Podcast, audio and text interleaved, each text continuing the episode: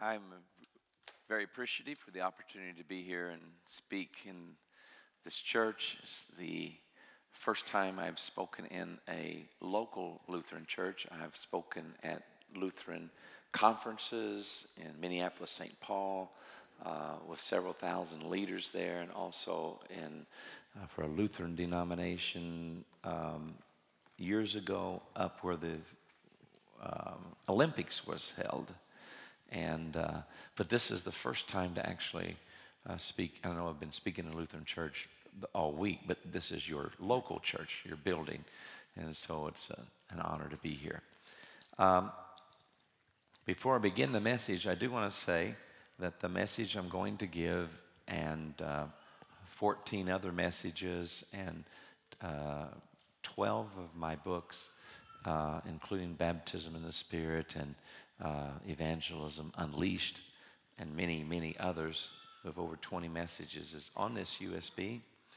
And uh, it will be out at a big round table near the bookstore, and my son will be there later. And um, if you're interested, you could pick it up. I think we have 15 left uh, out of 100. And so He's eager to sell those 15 because I promised him a $200 bonus if he could sell every one of them. so I'm trying to be giving him a, a, help him out here. But it really is, uh, especially the message, thrill of victory, agony of defeat, many, almost everything that I taught uh, this week, uh, most of it anyway, will also on beyond this. Uh, have your Bibles, open them to the Gospel of Matthew the 27th uh, chapter. The title of today's message is Two Questions. And we are, we'll be reading from the story of when Jesus was before Pontius Pilate and his trial, and two questions that Pontius Pilate asked. My Another name for this message is Seven Reasons Jesus Had to Die. Not going to have time to even number all seven of them and tell you what they were, but I would, do want to, and hopefully will get to look at four of the seven reasons Jesus had to die. And it is my desire that we would understand more the purpose of his death and that if there's anyone here that can benefit from any of the reasons that he had to die, that today your faith will be created by the Holy Spirit as the Holy Spirit convinces you of sin or the righteousness of God and of judgment, and that the Holy Spirit would draw you uh, open the eyes of any whose eyes have never been opened to uh, give themselves and their life to uh, Jesus Christ. But also the other reasons Jesus had to die that people could, uh, some of them anyway, be healed and be filled with the Holy Spirit and experience deep and profound forgiveness for the shame and guilt and regret that they have in their life and uh, to know it experientially, not just theologically. So let's read beginning in verse 11. Uh, meanwhile, Jesus stood before the governor, and the governor asked him, Are you the king of the Jews? Yes, it is as you say, Jesus replied. When he was accused by the chief priests and the elders, he gave no answer. Then Pilate asked him, don't you hear the testimony they are bringing against you? But Jesus made no reply, not even to a single charge, to the great amazement of the governor. Now it was the governor's custom at the feast to release a prisoner chosen by the crowd. At that time, they had a notorious prisoner called Barabbas. Let me just insert. Today, Barabbas would be called a terrorist. That's the kind of person he was. He was perceived as a terrorist. So when the crowd had gathered, Pilate asked them, Which one do you want me to release to you? Barabbas or Jesus, who is called Christ? For he knew it was out of envy that they had handed Jesus over to him. And while Pilate was sitting on the judge's seat, his wife sent him this message Don't have anything to do with that innocent man, for I have suffered a great deal today in a dream because of him. But the chief priest and the elders persuaded the crowd to ask for Barabbas and to have Jesus executed. Which of the two do you want me to release to you? asked the governor. Barabbas, they answered. What shall I do then with Jesus who is called Christ? Pilate asked. They all answered, Crucify him. Why? What crime has he committed? asked Pilate. But they shouted all the louder, Crucify him. Why did Jesus have to die? Albert Schweitzer, a famous person in the church and in the medical field as well, thought that Jesus understood himself to be a political revolutionary and, and things got out of control and he ended up getting crucified. It was totally bogus, totally wrong. Part of the reason he believed it is he had trouble believing in the supernatural. But in this, Jesus fulfills so very much of prophecies of the Psalms and his death and trial and death. And he fulfills so many things that prophesied in the, in the Psalms and in also Isaiah 53. And where it says that he was like sheep before its shears, was dumb, didn't speak, didn't say anything. It was fulfilled. The part about the dream is so important for in the Roman world, they believed that people could receive direction through dreams, and Pilate's wife having his dream was very significant in their time, meaning that Pilate should have understood and been warned that this man truly was innocent. And yet he caved in to the pressure. And so much anti Semitism has been connected to this decision. But there were less people. I once did a, um, a teaching on the crucifixion of Jesus, and I studied over 40 hours from medical doctors on the effects of Roman crucifixion upon the physical body. I studied what, how, was, how was the crucifixion done. And um, I mean, I learned many, many things. And one of the things is that though the Jews were blamed for the death of Jesus, Jesus was killed by the hands of Gentiles. And yet there's no anti Italianism as there is anti Semitism today, but it was the Romans who crucified him. And Pilate was doubly guilty or culpable because of the warning through the dream. I also learned in the study about this crucifixion of Jesus and the, that the crowd that was there was a rather small crowd. Not near as large as the number of people that we have gathered here this morning because it was happened so early uh, in the morning and it was taken and done so quickly. And many rules were violated. It was an unjust trial. So, uh, when I was a little boy, I heard many sermons about this from this passage of scripture. I remember the first time I felt God deal with me. I was seven years old. I grew up in a Christian home. I believed in God, Jesus. I believed in the truth of Scripture from the time I can remember. I don't remember if time I didn't believe. But I remember I was seven years old, and God began to draw me personally. He wanted the faith of my parents to become my faith. He wanted the commitment my parents had made. He now wanted me to commit my life to become a follower and a disciple of Jesus Christ, to be born of His Spirit. I was only seven years old. We had pews in those days, wood pews that people sat in.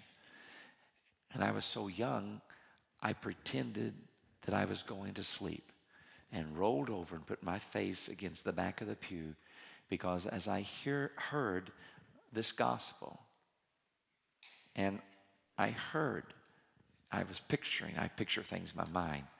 And I think, how could they reject Jesus? How could they reject Jesus? He was so good. He did nothing but good. How could they pick uh, this mean man over Jesus? And as a kid, I said, I don't understand. But then this night, at seven years old, God, by His Holy Spirit, begins to draw me. I actually feel His love drawing me with one thing asking me to surrender my life to Him.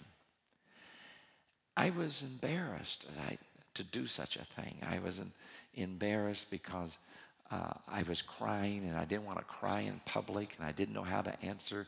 I was the oldest of three children, my brother and sister's questions, and had all these little silly things in my head for why I couldn't do this. But I pretended to be sleeping while the tears were running down my face because even though I, at seven years old, had never committed adultery, never fornicated, never uh, with any person, seven years old, I'd never cussed, never taken God's name in vain. My sin list wasn't very big at seven. But there was one huge sin. He was knocking at my heart, and I would not give it to him. And for that reason, I feel his love drawing me. But out of embarrassment for the tears, I leaned over, I mean, rolled over, pretended to sleep, and prayed a little prayer that I prayed for nine years. Oh God, I do want to one day become a Christian, but not now. I don't want to cry in public. Please don't make me cry. One day I will give you my life. Nine years of that goes by. Nine years of hearing sermons, something like this, and feeling God draw me. Um, the scripture says you, you can't come to God unless He draws you. And the only way to come to God is through Jesus Christ. But the only way to come to Jesus is the Spirit draws you. Now, I have had enough experience, pastored in several denominations, to know that there are people who know God, who are known by God, and have a relationship with God that came into that relationship different than the way I did. But I also know, having been a pastor, and even had a man who was on my board of my church, top leadership, for seven years. And then one night, while I had gone to pick up Blaine Cook and the guys to come to my church for this conference we were going to have, this leader of my church, who's been baptized for seven years, I'd actually baptized him myself. He had come forward in an invitation and uh, prayed a prayer, but he realized he had not had a genuine conversion. And that night, while I'm gone, another evangelist is speaking. He comes forward and he's really converted. So he came to me the next day and he said, For seven years, I was your convert. But last night, I became the convert of Jesus Christ. He said, I thought I was saved, but I wasn't. So I know it's possible also that people can be in church and not necessarily be saved or converted or born from above or born of the Spirit. All synonyms for what it means to experience the new birth. So for nine years, in every Sunday when they preached the gospel, I'd grab the pew in front of me and squeeze it and watch my knuckles turn white and pray the same prayer as tears are coming in my eyes, not in my throat. A little bit of an anxiety because I know that that sermon's for me. That it felt like the preacher's preaching just to me. In some ways, he was. Because in my little church of about 25 people, my brother and sister and I were the only people who had not committed our lives to Jesus Christ. So when they gave a invitation to do so, you kind of know who they were thinking about.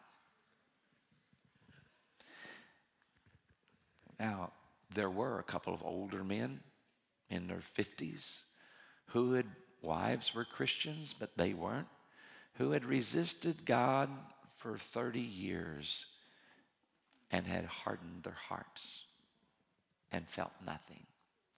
And over nine years, that eventually happened to me. It's almost as if every time you hear a message of surrender to Christ and say no, a little layer of something comes over your ear. A little hardening happens of the heart. And the danger is to resist God so many times that now you can hear the gospel, but you don't hear the Spirit of God drawing you, calling you. You can hear the gospel, but your heart is no longer touched. You hear the gospel, you're aware you need to be forgiven, but you feel no remorse, regret for your sin. And over nine years of saying no to God, I got to the point I felt nothing. I knew that was a very scary thing because I really did want to go to heaven. I wanted to have eternal life and I wanted to be a Christian. I just wanted it to be in the future. So at 15 years old, almost 16, I began to get scared about my soul. And I began to pray to God as an unbeliever, but a believer. when I, I mean, I believed all the truth. I always believed the truth, but we're not saved because we believe. Even the devil, even the demons believe and tremble, but they're not saved because they know the truth. They're rebellious.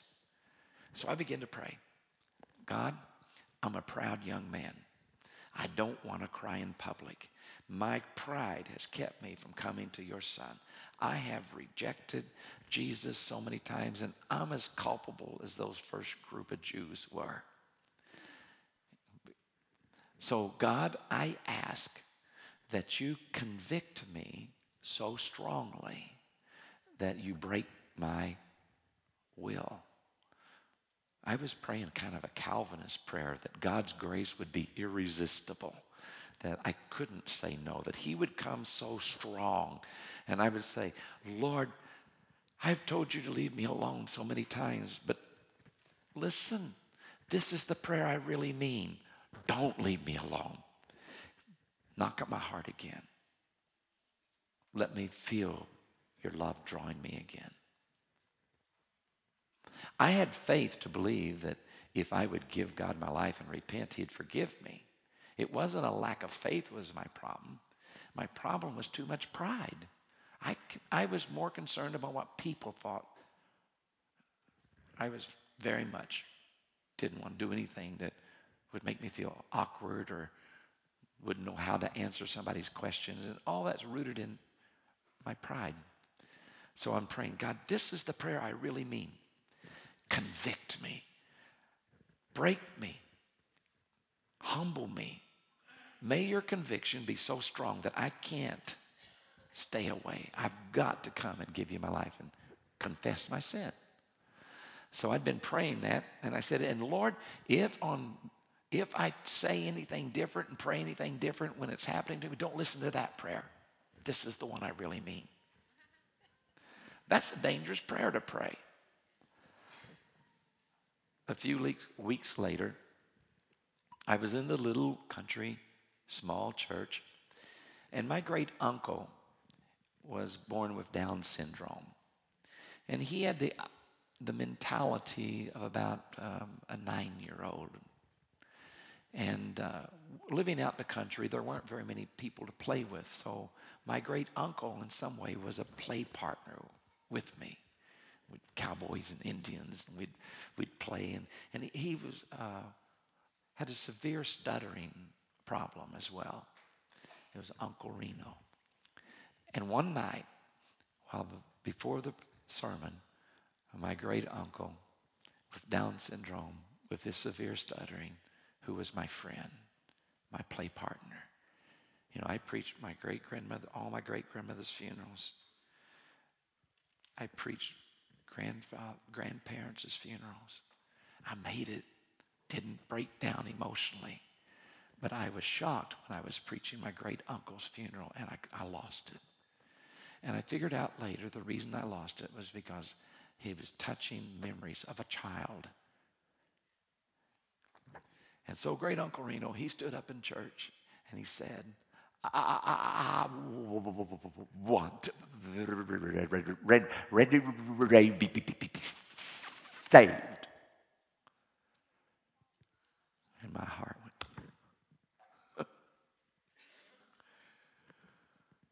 That night, they want to help God out. So they gave the invitation.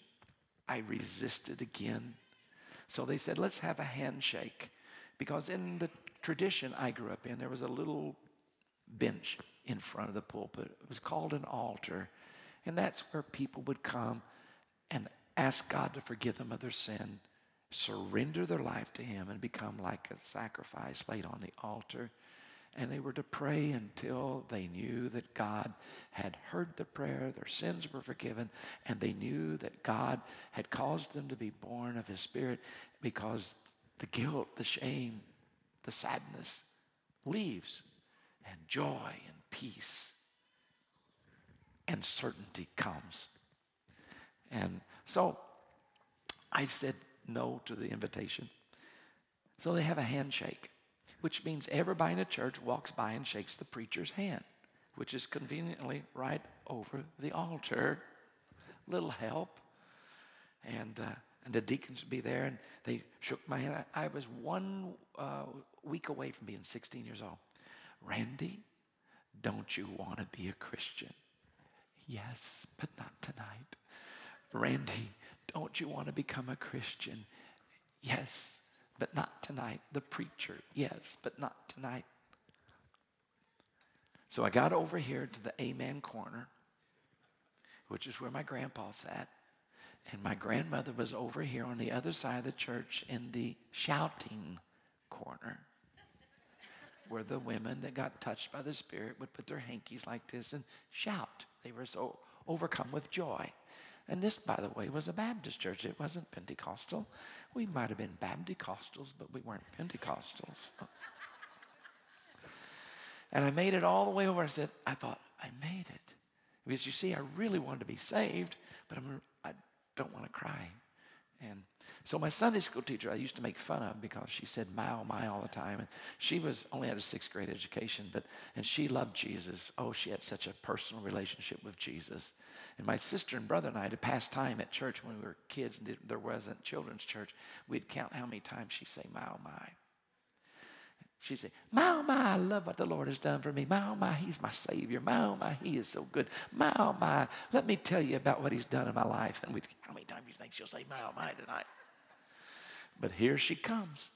She puts her arm around me and she said, Honey, don't you know how much Jesus loves you? And he answered my prayer right then. I lost it. This almost 16 year old young man just began to weep because I had been resisting God for so many years. And he answered my prayer the crying was over my sin and my rebellion and my knowing I'd never given my life to God. So I ran to the front, I got on my knees and I prayed and I asked God to forgive me and confess anything I can think of that I've ever done and pray that He'd just come into my life. And I got born again, saved, born from above, converted whatever term you want to use for it, it happened to me. And for two years, I did really well. And at 18, I began to backslide. I was in church three times a week. You'd say, how can you be backslidden and be in church three times a week? Well, I was became a hypocrite. I was in church three times a week. But during that 11 months is 1970. Vietnam War is going on. A lot of my friends are coming home in body bags. Guys that were heroes in high school and sports are coming home without legs. It's a very hard time to be an 18 year old when you can be drafted at 18. It was a, it was, I'm not excusing it. I made terrible decisions. I got in with the wrong crowd. And I got into drugs and, and I was stoned every day for 11 months, but in church three times a week. Now, I have found already this week, just by talking to some people, I'm not the only one that was going to church while sinning. And that's not by word of knowledge. That people have just told me things. I was a hypocrite. But I was a double hypocrite. For you, what's a double hypocrite? See, a hypocrite is somebody in church pretending to be something they're not. Letting, got a face on, not letting you see who they really are. Well, I was also a hypocrite out with my druggy friends because I was pretending to be something I wasn't. I was pretending to really be enjoying this backslidden life while I knew I was happier when I was in a right relationship with God. The, evidence of this hypocrisy hit me in the face one day when we were driving around and I had a new car. I had a, some of you won't understand this, but I had a, it was 1970. I had a 1970 Chevelle Super Sport, 396 four speed, Positraction, 350 horse, muscle car. An 18 year old shouldn't have one of those. But I had a good job working in the oil fields. My dad was a driller. And so I had some money. Matter of fact, I was the only one who had some money of all my friends. I was the only one who had a job. So I was buying the marijuana and sharing it with my friends. We get high with a little help from our friends. And so we're out and we're smoking. And um, they said, What are you going to do when you get out of high school? one of my friends, I'm going to Canada. I'm not going to Vietnam. And I'm going to have I'm just trying to look around and see the age here. I don't need to make this age appropriate. I'm going to, I'm, I'm, I'm going to have all the friendship with ladies I want. That wasn't quite how he said it, but you know what I mean. The other guy said, I'm going to get drunk every day. And I said, I'm going to have all the drugs I want. And they were all talking in our car about what they're going to do. And, I said, I'm going to be a preacher. I had never thought about being a preacher in my life. I don't know where that came from. I shocked myself. I'm, I'm, I'm, embarrassed that I would say that in front of my druggy friends. And I want to go, oh, get those words back in here. I was, and then I was shocked that the truth in my heart. And I began to try to find my way back to God. He said, well, why did you stay in church while you lived like that? Because I knew the story of the prodigal son, and I just wanted to visit the far off country. I didn't want to live there. I knew I always wanted to come back to God because that's where real peace and joy was at. And I was afraid that if I got out of church and just gave myself totally and didn't, didn't have, you know, some connection to church, I could get so deep in sin this is my Arminian background coming back because I was Calvinist, I wouldn't have worried about it. I, I just couldn't find my way back to God, and I'd be lost. Now, well, so Jesus had to die so that we could be delivered. Jesus had to die that we could be forgiven. Jesus had to die that we could be healed. And Jesus had to die that we could be filled with the Holy Spirit. Actually, before the, before the cross, resurrection, ascension, there could be nobody could be filled with the Holy Spirit in the way that we can in this new covenant. So I was a hypocrite, but I knew better. I knew the power of God to set people free. And though I was heavily involved, I knew if I would turn to God, ask Him to forgive me, confess my sin, and surrender my life to Him again, that I'd be renewed and our relationship would be restored. And I knew the power of this because, and it's really one it's a little funny thing. Um, I was raised Baptist, and Baptists are teetotalers. They don't drink any alcohol.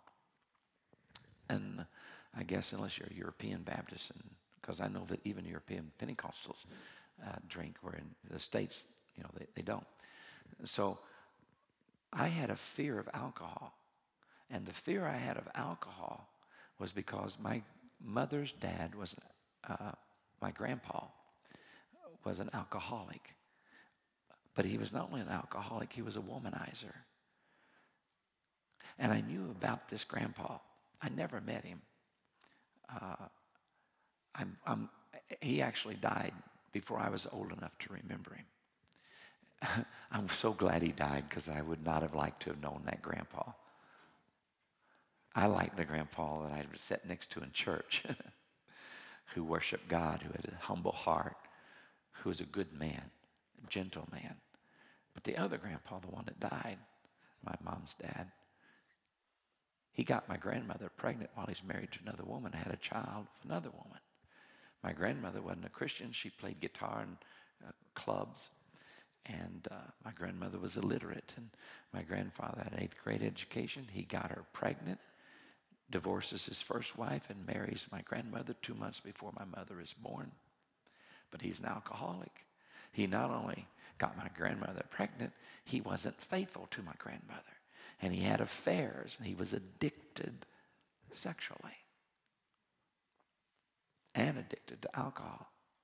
And when he would drink, he wasn't a happy drunk, he was a mean drunk. And he would tear up the furniture. And my mother had told me about all these things. It scared me.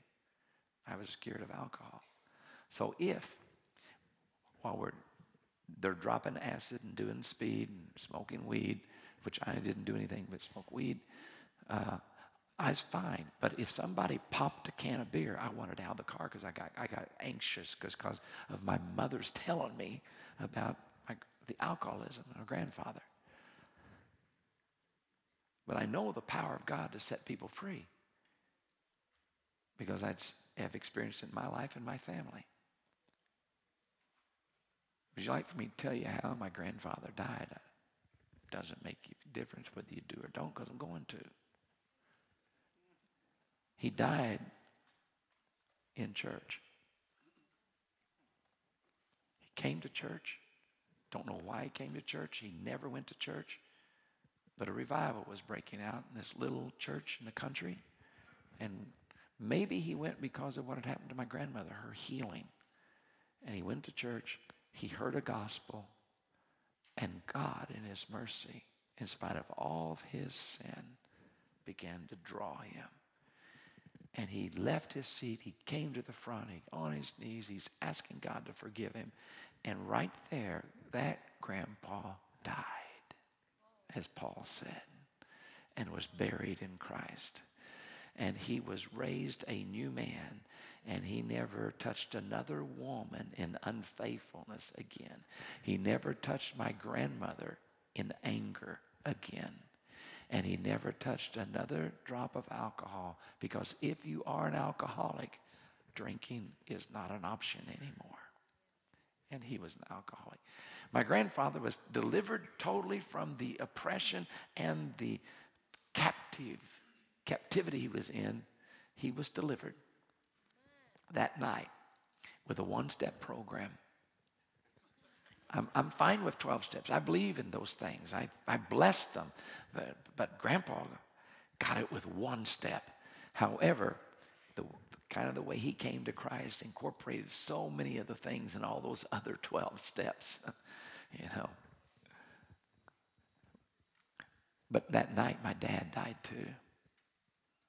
I was two years old. The night my grandfather became a Christian, my dad did too. They're right beside each other. God drew both of them. No matter what we've done, no matter how deeply we may be captive to some sin, there is the power of the Holy Spirit that can set us free and deliver us. God wanted the Israel people, Israeli people to be able to understand the purpose of Jesus' death so much that in the major feast, he was given them as a type that Jesus would fulfill. And so the first deliverance is Exodus 12 in the uh, Passover, the lamb, male, perfect, without blemish, slain, blood put on the doorpost. And when the death angel passed over, the firstborn will live. That was looking to Jesus Christ, who by his blood we would be forgiven by his death, by his death in our place. Leviticus 16, another high day of the Lord, another great festival uh, for the Jewish peoples, Yom Kippur, the Day of Atonement. Again, two goats are brought forward. They want us to understand Jesus' death and why Jesus had to die. The first goat, they cut its throat, took its blood, went into the door, went behind into the holy of holies behind the curtain, where God would come down at the mercy seat and meet as the high priest would intercede for the sins of the people. The book of Hebrews would tell us that Jesus is the fulfillment. He is our ultimate high priest, but he's also the lamb that would be slain so that we could come boldly to the throne of God, the throne of grace in our time of need. So Jesus is this first goat, and this is, you ever heard this? I know you have because you're Lutherans. This is really big. Justification. Cut the throat, take the blood of, of what would be Jesus, put it on him. Now he can go into the presence of God and intercede for the people. And so when the priest put his hands on the head of this goat in Leviticus 16, it meant that all the sins of the people of God that had been committed were now being identified and put on this goat who became the substitute and who would die in their place. That's justification. But the angel of the Lord said to Mary, You shall call his name Jesus, for he shall save his people from their sin. Sin is an, a tough thing. You think, well, God's a party pooper. He doesn't want us to have any fun. No, God's not a party pooper. God's the one who made us and made family. And God knows what will hurt us, and God knows the things that will cause us shame and guilt, make us sick, cause us to die early. He knows that the, even the emotions that if we allow, that is called the works of the flesh in Galatians 5, those, medically speaking, emotions and practices will shorten your life, cause your immune system to be compromised, cause you to die early. And the very fruit of the spirit emotions that's given in Galatians 5, medically speaking, we know today that those attitudes and emotions literally strengthen your immune system. Why would you choose Barabbas, one who steals, kills, and destroys, when there could be Jesus, the one who came to give us life more abundant? So I, I thank God for imputed righteousness. He who knew no sin became sin that we might become the righteousness of God, as Paul said. He took my place. All my sins are put on him. Now all of his righteousness is put on me. And I stand before God holy and forgiven in the righteousness, the imputed righteousness of Jesus. That's wonderful. But look, this wasn't all that happened that day. After the priest came out of the Holy of Holies, having intercede, he came to a second goat and laid his hands on it. And all the sins are supposed to be on this goat. And they take the goat away outside the camp, bearing away the sins of the people. This is the doctrine of sanctification. This is what the Lutheran August Francke and Philip Spener, a scholar and a pastor, helped people to see that as wonderful as imputed justification is, this salvation should be so wonderful that it not only counts us as right before God, but gives us the power to really break free from the sins that were hurting us, hurting our relationship with God, and hurt. I mean, sin's destructive, and we need the power to literally be free. And so it's both. Jesus is both. Salvation is not only being able to have imputed righteousness, but experiential power to live a consecrated, dedicated life that brings glory to God and it's better for ourselves. So Jesus had to die so that we could be delivered from sin, addictions, compulsions, demonic oppression. Jesus had to die that we could be forgiven. I think of this. I remember in the pastorate I had in seminary, um, I, I, said one day, my dad, during a service uh, in my country church, my dad said this I want to live my life in such a way that I would want my three children to be able to walk in my footsteps. And, I, and it's so true. It doesn't matter what you teach, your life affects your kids more than your teachings do. And so uh, when I said that, this woman, about 6'2, 250 pounds, she jumped up, ran out the door, and slammed the door of the church hard. It went back and hit the brick wall. And I, first time I'd ever seen her, and I said, Who was that? And they said, Oh man, be careful around her. She's the, one of the meanest persons in this county. She, her, name, her name is Sue. And, and, and, and she's dangerous. And she gets upset at you, she'll take a knife and slit the tires on your car. So I went to see her and took my five foot two, 95 pound wife with me as my bodyguard to protect me as we went to see Sue. And I got to see Sue. She lived in a trailer. Um, and she invited me in. And I said, Sue, I just want to ask, why did you run out? Did dad die? Did I touch an emotional chord? What, what happened when I said that? You ran out so fast. And she said, wait a minute.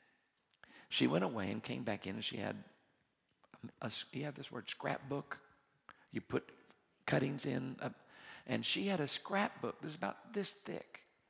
It was full of cuttings out of the paper about her, drunk and disorderly, contributing delinquency of minors.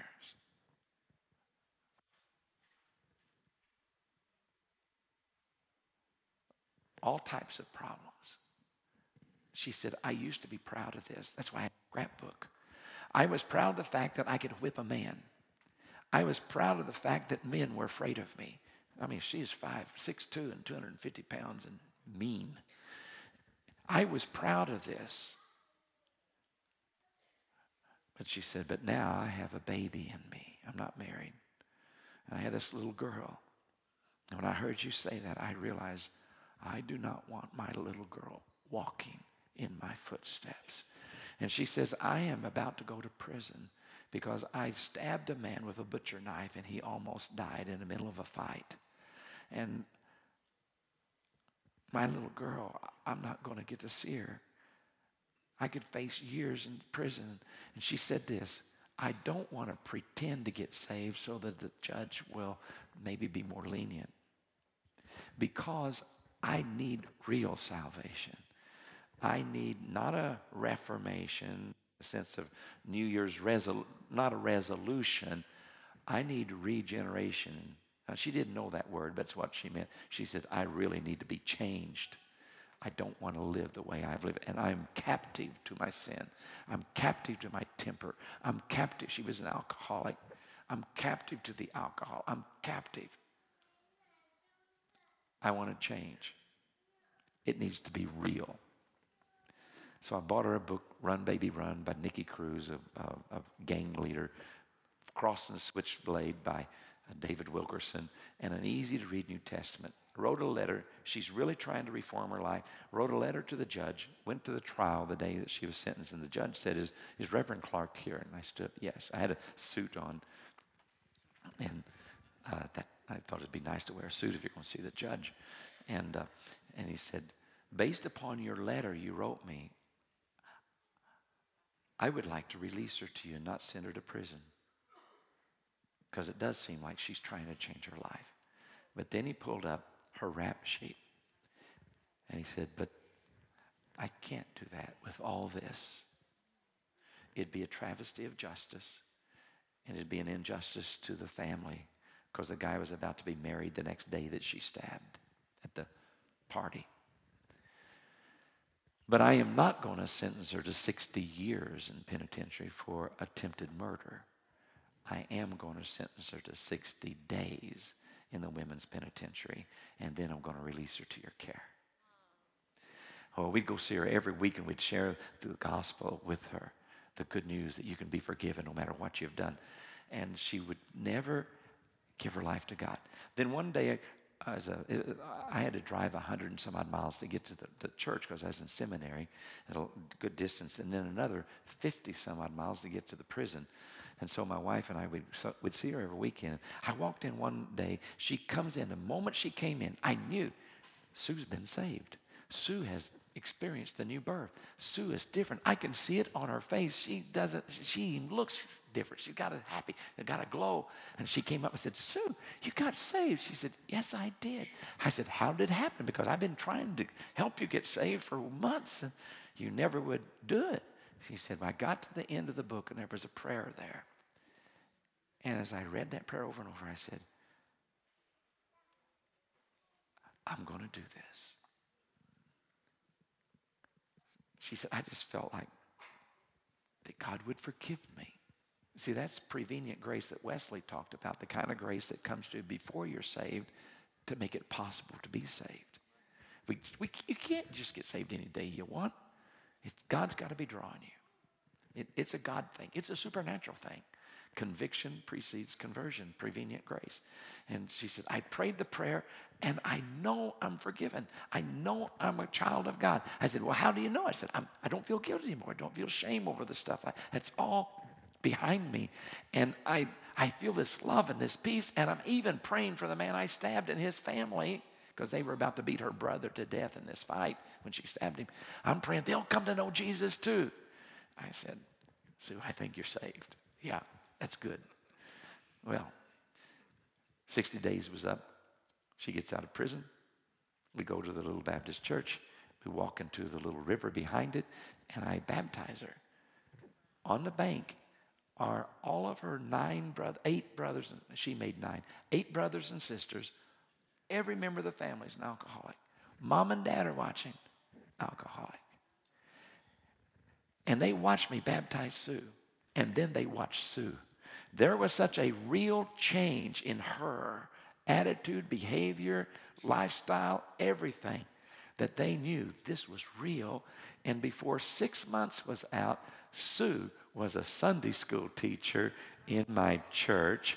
And two of her brothers had come to Jesus through her witness, and they had been saved and delivered from their alcoholism. And before I left the church, before one year was out, they were growing so fast. Two of her brothers became deacons of the church because of one woman who experienced this amazing, undeserved, pure grace experience of coming to Christ. Jesus had to die so that we could be healed. You know, I told you I was, um, had a car, kind of nice car, muscle car. Uh, shouldn't 18 year old shouldn't have it. I was driving home, uh, came around this S curve at about 100 mile an hour, just because it was fun. We'd done it every week. It's kind of a bank curve. And then I slowed up to the speed limit. Well, another friend of mine had a 69 Roadrunner. and he came around the curve and he wanted to pass me and i'm slowing down i'm not racing or anything but he's trying to pass me and hit, he's halfway off the road and he hit a, a ditch a little rut it threw him back onto the road and he's, he threw him right into my car it knocked my car off the road and i went about from here to that candle and i hit a concrete culvert it was tragic i was almost killed what's more tragic is that somebody was killed. And my second best friend, whose name was Joe. Joe was Catholic. Joe was one of my druggy buddies. My cousin behind was too. We were the three musketeers. We were together all the time. And I had rededicated my life to God four days before this accident. I gave the drugs away to the worship leader and the, and the uh, youth pastor to flush them down the toilet and I've come back to God. It was not the same greatly emotional experience that I had the first time I came to Jesus at 16. This was more a thing of the will and knowing I am forgiven. But my cousin, five minutes before this accident, said, Clark, you know, if we had a wreck right now, you'd die and go to hell because he's mad at me because I'd given the drugs away. And my friend Joe, who's Roman Catholic, said, Yeah, that's right, Clark. You would, you would. And I looked at him and I said, Joe, I wouldn't. But how about you? Five minutes after that statement, Joe's dead. Hit the culvert, threw him through the windshield. He didn't have his seatbelt on. And for over a year, every time I drive the 100 miles back from college to my hometown, I'd go sit by Joe's grave. I'd go out and look at the tar marks to see where my tar, my car had ran into the culvert. And I'd cry at Joe's grave. And I know he couldn't hear me. I wasn't talking to the dead, but it just made me, this is therapy. It made me feel better.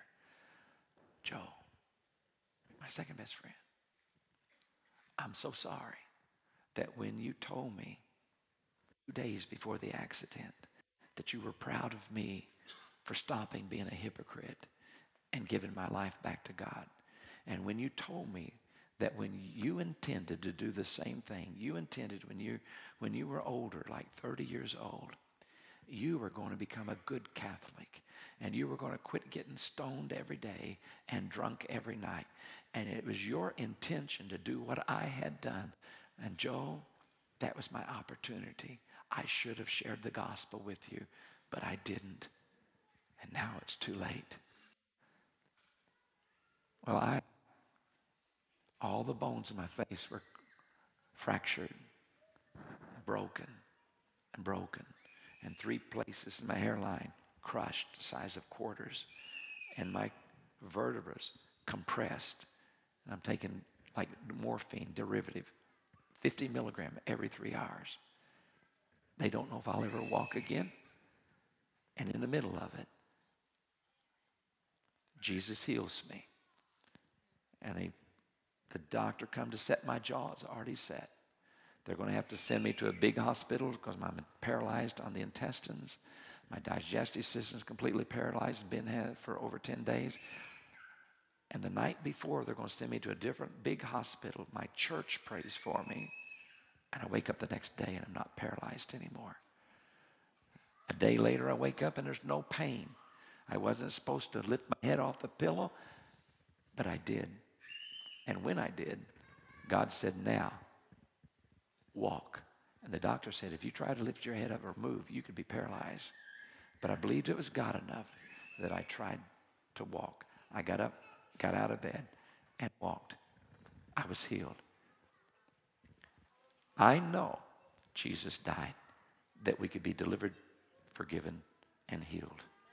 I don't have time to tell you how many times I was, I've experienced being filled with the Spirit. My people I know have been filled with the Spirit. But I am going to share this about healing. My first introduction to healing was my illiterate grandmother who heard God speak to her when she had a big goiter and they didn't know how to treat it. Go in the other room and pray and I'll heal you. She took three steps, went in the other room, prayed this prayer, and she said, Honey, I was five years old. and She told me the story. It felt like a hot hand went down my throat, and it just disappeared.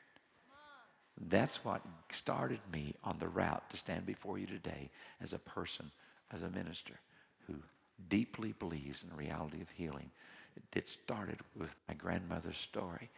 I just want to say this to you. Parents, grandparents, church and Sunday school can never become the substitute for you telling your own story of how real Jesus is to you. Because they need to know that God is not only the God of Abraham, Isaac, and Jacob, but they need to know he's the God of grandpa and mom and dad, and he's going to be my God. And what God did in the Bible, he still does today. Let us tell you about God being real in our family. So this is what I want to do. I know I've gone a little bit long, but would you stand? I'm going to ask the ministry team of the church to come over to the right and over to the left. And I'm going to ask that this area right in front be reserved. And I want to do something.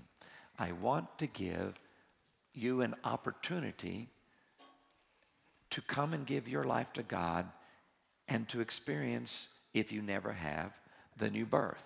Or if you have experienced the new birth, but you have compromised your walk with God, and maybe you have become like I was in church, but also in doing stuff you know is wrong, a hypocrite, or you've just maybe you're here today, but you've been away from God for a long time.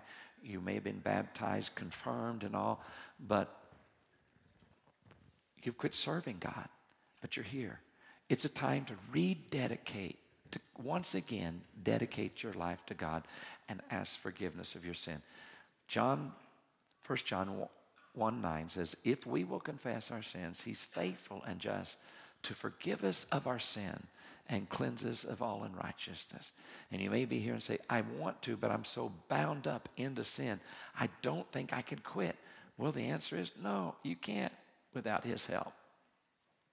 But he his power can give you the power to be set free and give you a clean conscience. And so, all I'm going to do, we're not going to sing a song or anything. Uh, we're not going to sing five verses of Just As I Am. Then switch over if nobody comes to softly and tenderly. Jesus is calling, calling for you and for me.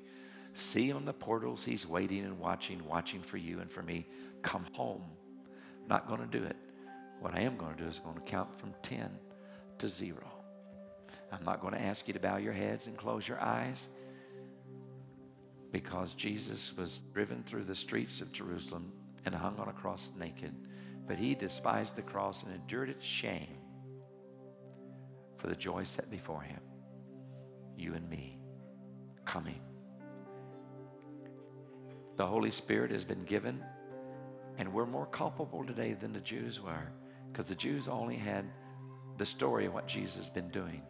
Today, we have the knowledge of the resurrection and the ascension, the outpouring of the Spirit, a church of one billion followers,